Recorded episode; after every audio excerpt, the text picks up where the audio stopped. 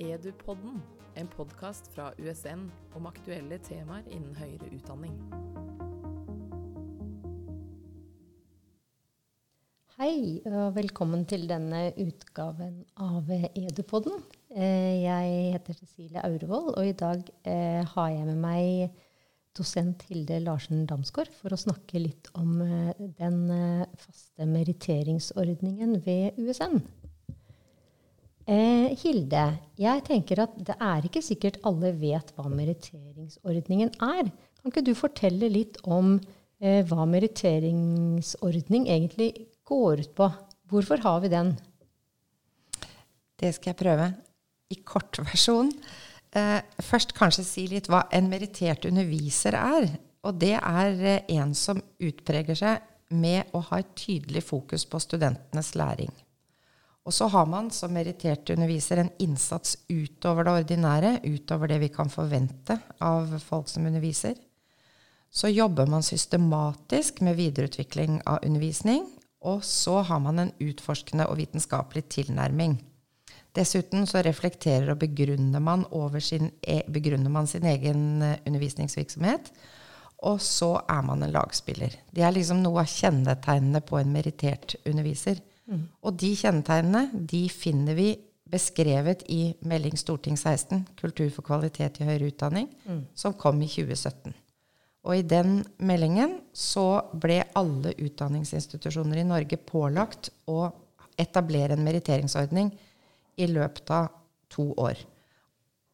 Og tanken bak det å ha en sånn ordning, det er at man ønsker å, å premiere systematisk arbeid med undervisning man ønsker å stimulere til økt innsats når det gjelder undervisning, for på den måten å gjøre undervisningsvirksomhet og forskningsvirksomhet til mer sidestilte, likeverdige virksomheter i høyere utdanning. Mm -hmm.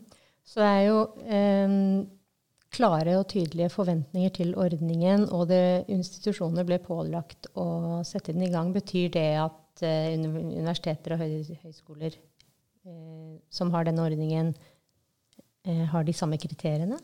Eller er det Nei, altså det er eh, ja og nei på en måte. Det er, ikke, det er ikke laget et sett av kriterier. Som, sånn skal det se ut. Og det er heller ikke laget en utforming som man bare nærmest kan ta og adoptere. Men i melding til Stortinget 16 så er det presentert noen prinsipper som ligger til grunn for at man etablerer en meritteringsordning. Og de er omtalt som SOTL, Scholarship of Teaching and Learning. Eh, og der er jo nettopp det som er sentralt i den tilnærmingen, det er at man ønsker å lage kunnskapsbasert praksis når det gjelder undervisning, og få en mer vitenskapelig tilnærming til også den delen av arbeidet. Og, og kjernepunktene der, det er nettopp det med å utvikle seg som underviser over tid og ha fokus på studentenes læring. Det er systematikken og utforskningen og utprøvingen, begrunnelsen av refleksjonene, og det er det at man skal utvikle en god undervisningspraksis i fellesskap med andre. Mm. Så det er De fleste institusjoner bygger på disse prinsippene. Mm. Mm. Og så er det noen som har laget tre hovedkriterier ut fra disse prinsippene, sånn som USN har gjort. Og så er det noen som har laget fire. Um, jeg sa til å begynne med at uh, vi nå hadde en, uh, sette i gang en fast ordning. Så nå har vi da oppfylt det kravet, at mm. vi skal ha en fast ordning. Men det betyr jo også at det har jo vært en, eh, en pilotperiode, da. Mm. Eh, kan du si noe om hvilke erfaringer vi gjorde oss i denne pilotperioden? Ja, vi, på USN så begynte vi med arbeidet med merittering i 2019. Da ble det igangsatt et pilotprosjekt, og det ble avsluttet våren 2022.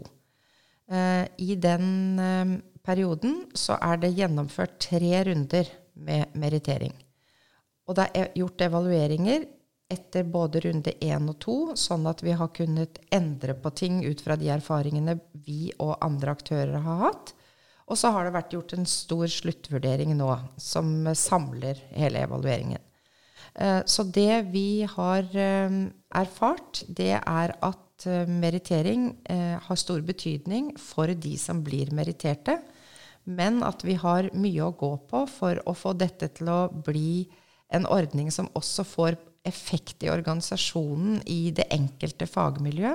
Så derfor så er en satsing nå å, å jobbe med et nettverk, men det kan vi kanskje komme tilbake til. Mm. Uh, og så har vi erfart at uh, vi har mye jobb å gjøre når det gjelder å nå ut med informasjon, sånn at folk skal vite hva merittering er, og, og bli inspirert til å gå inn i søknadsprosesser. Mm. Uh, og så har vi også erfaring med at merittering er noe som folk trenger lang tid til å jobbe med. Altså at det er en søknadsprosess som som krever tid, fordi at man må hente fram og skaffe til veie dokumentasjon mm. på det man da beskriver i en søknad. Mm. Og disse prosessene kan vi jo komme litt tilbake til. Men eh, den evalueringen som ble gjort, da, så ble det foretatt noen endringer og presiseringer eh, som gjelder nå for den faste ordningen. Hva, hva, hva slags type endringer er det som er gjort? Det er én hovedendring, og den viktigste, det er av alt vi har Vi har gjort noen små endringer òg, men det er at universitetslektorene nå kan søke. Og det er en endring som vi som jobber med dette her er veldig glad for, fordi at uh, universitetslektor er en gruppe ansatte som jobber masse med undervisning, uh, og som driver mye utviklingsarbeid, endringsarbeid når det gjelder undervisningsvirksomhet. Så de er nå inkludert i målgruppa. Så det betyr nå at nå kan alle vitenskapelige ansatte som har fast hovedstilling på USN, søke. Mm. Og de små, små endringene, ja, de små endringene, det er at vi eh, har presisert hva intervjuet har som funksjon. For vi på USN har et intervju som en del av søknadsprosessen. Men det intervjuet gjelder bare for de som har levert en søknad som er vurdert til å være svært god i forhold til to av de tre hovedkriteriene. Så hos oss så er uh, intervjuet et supplement eh, som bare følger når selve søknadsdokumentasjonen eh, er vurdert til å være god. Mm. Og så har vi gjort noen språklige endringer rett og slett for å, å gjøre det enklere både for søkere og for de som vurderer. Eh, tidligere så sto det veldig mange åger. Altså at man skulle ha samarbeidet med studenter og kollegaer og ledere og andre aktører. Eh, og nå har vi skrevet for, for eksempel, så har vi brukt for eksempel. Så da mhm. står det man skal ha et samarbeid for eksempel med. Mm. Og da kan man jo ha masse samarbeid med studenter og kollegaer, men det er ikke sikkert man har hatt like mye samarbeid med ledere eller andre aktører. Mm. Så vi har, vi har åpna litt gjennom disse språklige korrigeringene som vi har gjort. Ikke sant. Um, og så sa du samarbeida med kolleger og fagmiljøet, så dette her er ikke en personlig pris? Nei, og det er også et veldig godt spørsmål. Det er, for det er det faktisk eh, Det ser vi i evalueringen, at det er en tendens til at dette oppfattes som en pris. Altså at man tenker at her har den enkelte foreleser vært glimrende i klasserommet, og så er det det som er grunnlaget for tildelingen av statusen. Men dette er ikke en individuell undervisningspris. Dette her er en utmerkelse man får for systematisk arbeid over tid med å utvikle god undervisning og vurdering eh, sammen med andre i stor grad, og at man i tillegg til den systematiske arbeidet med eg, sin egen undervisning, så har man også vært en bidragsyter for å jobbe med dette i fagmiljøet, i kollegiet, eh, få diskusjoner opp, dele erfaringer, dele kompetanse internt, og gjerne også eksternt. Mm. Og tanken med det er jo nettopp at vi innenfor undervisning også skal kunne stå på hverandres skuldre. Vi skal kunne bygge videre på hverandres kompetanse.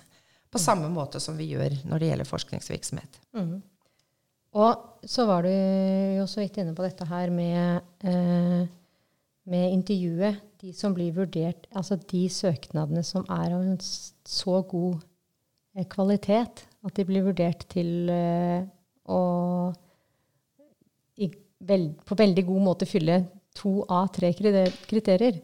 Da tenker jeg, da er vi litt over på dette her med hvem er det som vurderer det? Hva, eh, hva slags komité er det som vurderer dette her? Det, er det bare en intern Nei.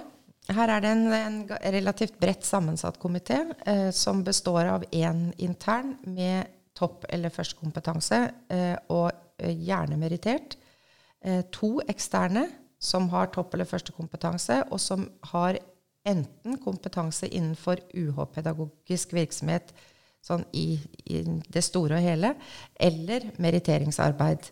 Eh, og så har vi en student. Og disse fire de utgjør den faste komiteen som vurderer alle søknadene. Eh, og så har vi en fakultetsrepresentant som vurderer søknader fra det enkelte fakultet, altså fra sitt eget fakultet. Eh, og så har vi en administrator som sørger for at arbeidet går som det skal, og at vi jobber i henhold til kriteriene.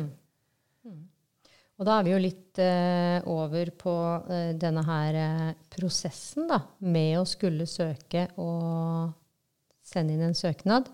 Det er jo en stund til denne søknadsfristen, men den prosessen, kan du si, den starter jo nå. Ja, den starter nå. Og den starter det, det første vi oppfordrer folk veldig sterkt til, det er jo rett og slett å se på nettsiden og sette seg godt inn i kriteriene.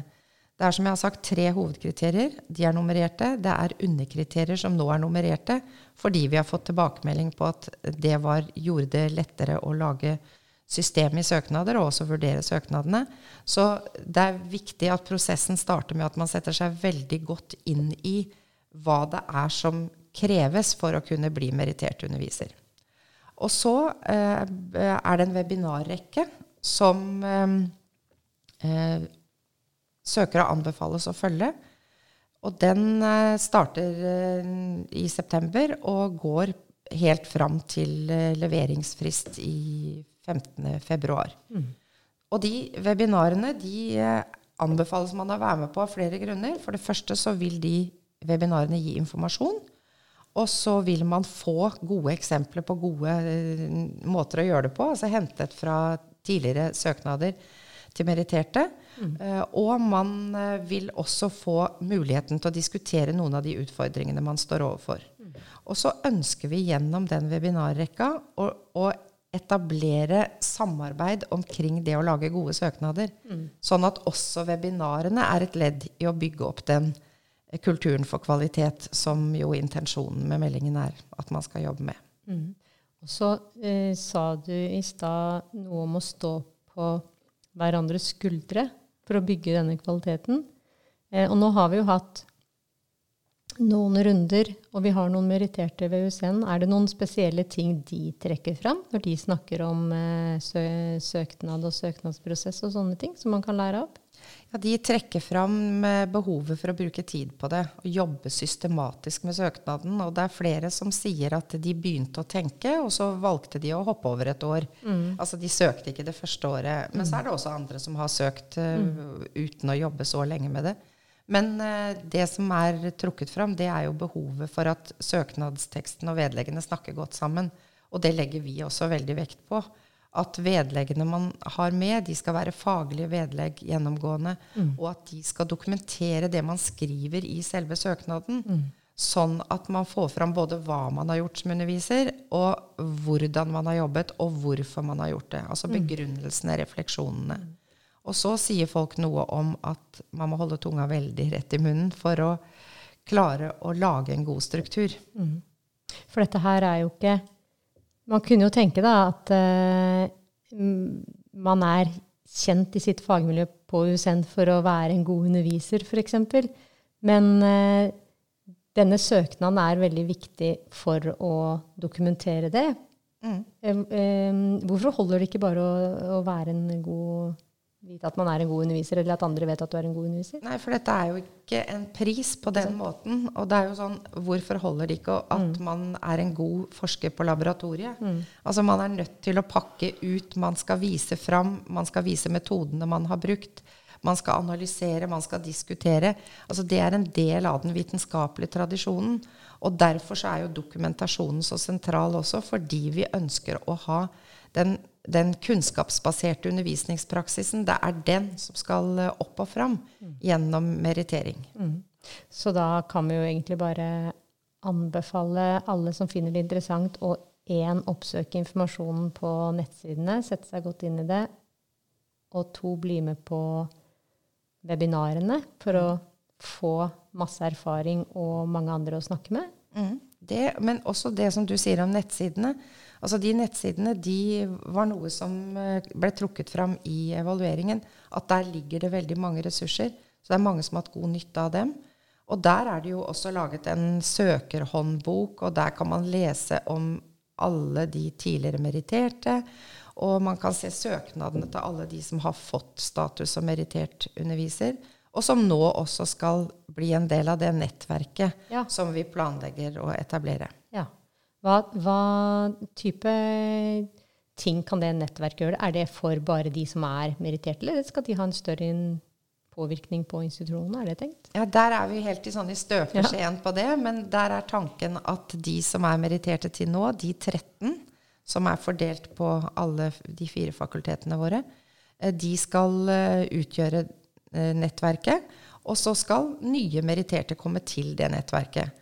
Og noe av planen med nettverket det er at de meritterte skal kunne være en ressurs eh, utover sitt lille miljø, men også i større deler av fagmiljøene på fakultetene, og kanskje også på institusjonen som helhet. Gjennom det å kunne være inspiratorer, gjennom å kunne dele erfaringer, gjennom å kunne veilede andre. Kanskje kunne man gå inn og være ressursperson for USN på områder man har jobbet spesielt mye med. Så her er, det, her er hele veien tanken at vi skal prøve å få merittering gjennom nettverket også til å bli noe som spiller godt sammen med eh, kvalitetsarbeidet på USN for øvrig når det gjelder det med undervisning. Mange, mange gode tanker og mye å glede seg til for USN, håper jeg også. Um, er, det, tenk, er det noe mer du ønsker å si om merittering og prosessen før vi avslutter?